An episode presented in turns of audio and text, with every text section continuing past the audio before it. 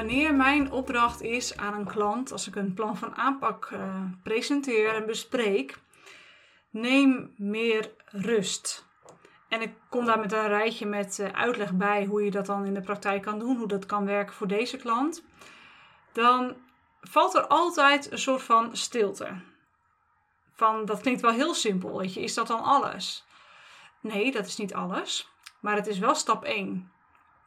Want op het moment dat je rust neemt en stress je lichaam kan verlaten, dan pas komen we erachter wat er eigenlijk onder die oppervlakkige stress zit. En vergis je niet, stress is heel vaak verstopt. Ik zie het meteen, maar jij hebt het niet door. Want jij zit er middenin. En dat waar je middenin zit, dat zie je niet. Dus op het moment dat ik dat dan zeg en benoem en de klant heeft daar ongetwijfeld weerstand op, hè, er komt altijd een soort van weerstand naar boven drijven van oké, maar uh, het, ja, of de, weerstand is heel praktisch, het kan niet. Of de weerstand is heel erg, ja, het is wel heel simpel. Of de weerstand is heel erg, oké, ik weet dat je gelijk hebt, maar ik heb er eigenlijk geen zin in. Dus het voelt heel ongemakkelijk dan weet je, dit is een schot in de roos. Je moet hier iets mee doen. Dus als ik dat nu tegen jou zeg, ga maar eens wat meer rust pakken. En je merkt meteen stemmetjes die zeggen: het kan niet, ik wil niet. Um, wat voor excuus of reden dan ook jouw brein bedenkt, dan weet je, het kan wel eens een goed idee zijn. Nou, wat ik heel vaak zie op momenten dat klanten dus, hè, ik help ze even door die weerstand heen en vervolgens uh, gaan ze daarmee aan de slag. Uh, dat eigenlijk binnen week 1 alles anders is. Eerst komt namelijk op het moment dat, dat ze rust nemen uh, een heleboel uh, diepe weerstand naar boven uh, die gevoeld wil worden. Diepe weerstand, diepe emoties. Uh, het gevoel van, kut, ik was echt heel, heel, heel erg gestrest en ik had het niet door. Of er komt heel veel verdriet wat aan de oppervlakte zit, wat nu ruimte krijgt en dat moet er echt even uit. Of ik ben eigenlijk super boos en gefrustreerd en dat moet er even uit. Dat komt eigenlijk de eerste week meteen naar boven. En soms is dat heel groot en soms is dat heel klein. Maar het is er altijd. Er is altijd een vorm van onrust dat binnen de ruimte van rust um, de weg naar buiten vindt. Want zo werkt ons systeem.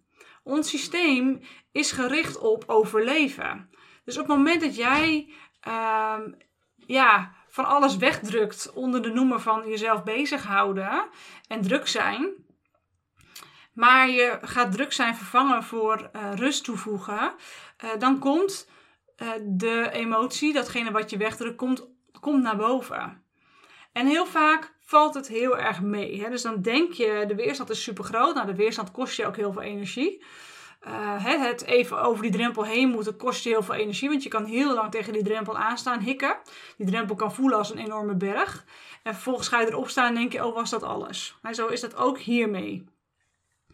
Maar voordat je nog daar overheen bent, hè, dat je die drempel overstapt, um, ja, heb je dus die stap te zetten. Maar ja, wat maakt dan dat je dat daadwerkelijk kunt gaan doen? Want het is dus inderdaad veel moeilijker om rust te pakken dan in die actiemodus te blijven zitten. De actiemodus is niet moeilijk.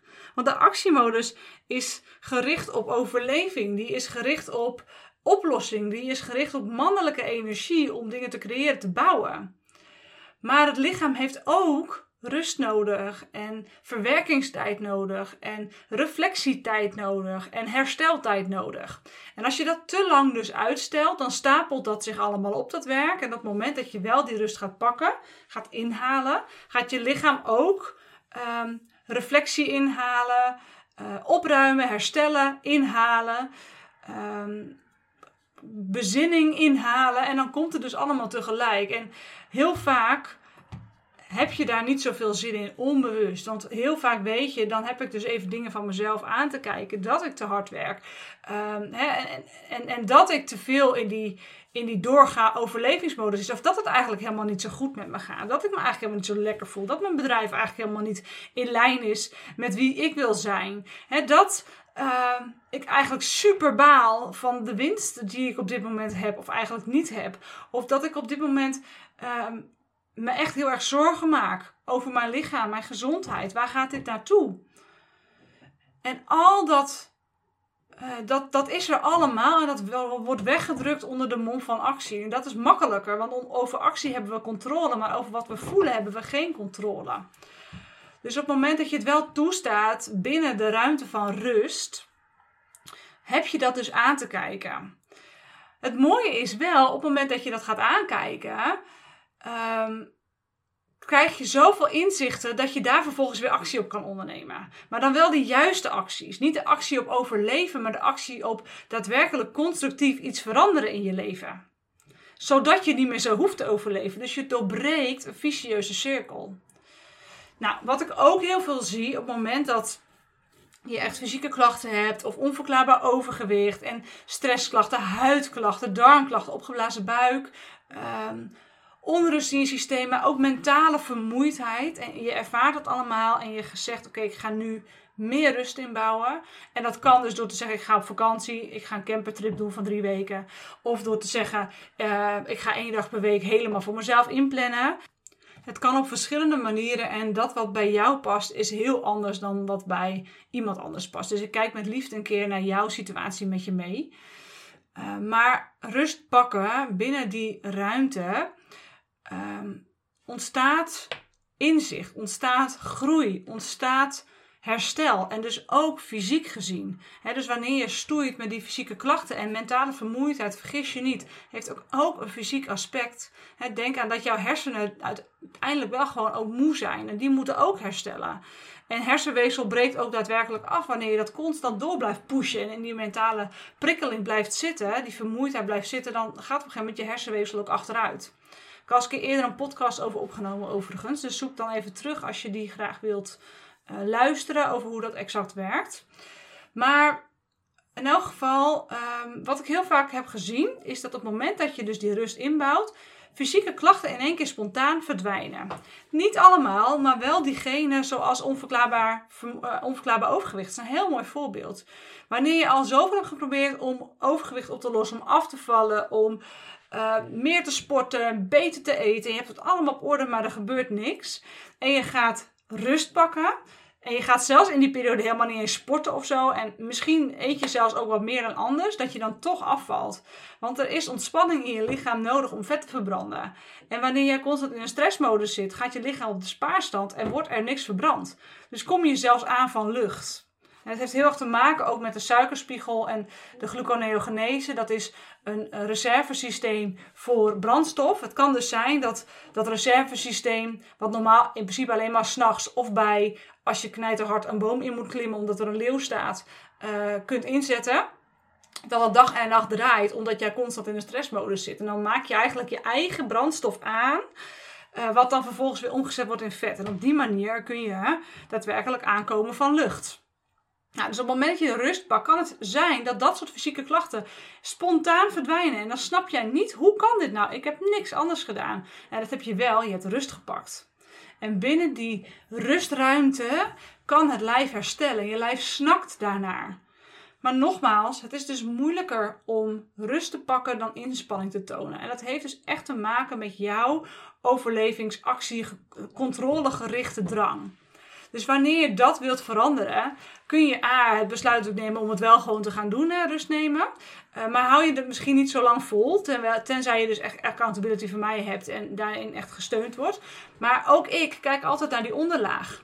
Ook ik kijk altijd naar waarom doe je dat nou? Hè? Waarom, wat is dan die overleving? Waar ren je dan van weg? Wat zit er dan in jou wat gewoon um, heel erg onrustig voelt?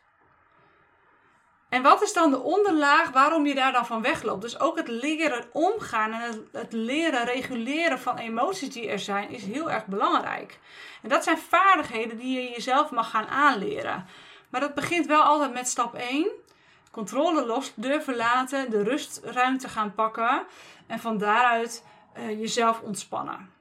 Nou, wat mooi is om te zien, of wat ook misschien niet zo mooi is om te zien, maar wat, wat ik vaak uh, zie gebeuren, is dat uh, ontspannen moeilijk blijkt. Dus echt ontspannen moeilijk blijft, dat blijkt. Dat jou, je zo in een overlevingsmodus zit dat je brein afgeleid wordt en getrokken wordt naar datgene wat, die overlevings, wat binnen die overlevingsmodus plaatsvindt. Dus je werk bijvoorbeeld, hè, je bedrijf, groei, je carrière, datgene wat jou bezighoudt, wat, waar die overlevingsdrang zich in uit, dat dat toch heel erg de aandacht trekt. Nou, op het moment dat dat zo is, dan kun je dus moeilijk ontspannen op het moment dat jij uh, ja, een ontspannen moment voor jezelf hebt. En overgave is daarin super belangrijk, dat je dat dus ook leert. Dus de tegenhanger van controle willen houden is overgave. Dus wanneer je van jezelf weet dat jij een controlfreak bent en alles graag uh, onder controle hebt, heb je ook een leerpunt, uh, een ontwikkelpunt op de vaardigheid overgave. En je veilig voelen in, in, in, rust. En weten dat als jij vandaag niks doet, dat dan morgen de wereld niet in de fik staat. Maar dat de, de wereld er nog steeds hetzelfde uitziet. En dat dat ook helemaal oké is. Dat je in het hier en nu gewoon mag leren zijn. En dat je niet hoeft te rennen, maar dat je de tijd mag nemen. En rustig um, ja, in beweging mag blijven. Zonder dat jij jezelf voorbij rent. Het is allemaal controle. Overlevingsdrang is ook een vorm van controle. We pakken het vast, we houden het vast en we kunnen het niet meer loslaten. Je hele lijf reageert daar ook zo op. Hè? Je zit in die spanning, in die stress. En dan is ontspannen heel moeilijk en dat is wat jou ziek maakt. Dus de ontspanning opzoeken en dan niet kunnen ontspannen is een teken van dat je het heel moeilijk vindt om de controle los te laten. En dat je veel meer overgave mag beoefenen. En ook hierbij zijn altijd onderliggende oorzaken. Bijvoorbeeld dus dat je je niet veilig voelt in je lijf. Bijvoorbeeld dus dat je voelen heel erg moeilijk vindt en confronterend vindt. En uh, niet zo goed weet wat je met al die gevoelens aan moet die naar boven komen. En dat snap ik. Want dat is ook heel confronterend. En zeker als je in een omgeving zit die uh, misschien niet iets begrijpt, of vroeger als kind dat je niet echt werd begrepen, uh, wat er allemaal met gevoelens in jou leeft, dan kan het dus heel erg zijn dat je hebt geleerd om dat dus minder belangrijk te maken. Maar het is er wel. Het maakt je mens. Het maakt dat je leeft. Het maakt dat je ervaart. En je hebt er iets mee te doen.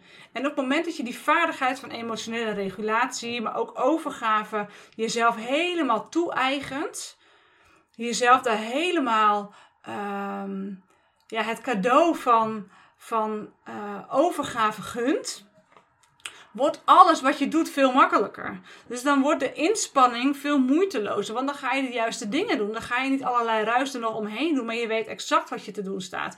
En datgene wat je doet, dat verandert in goud.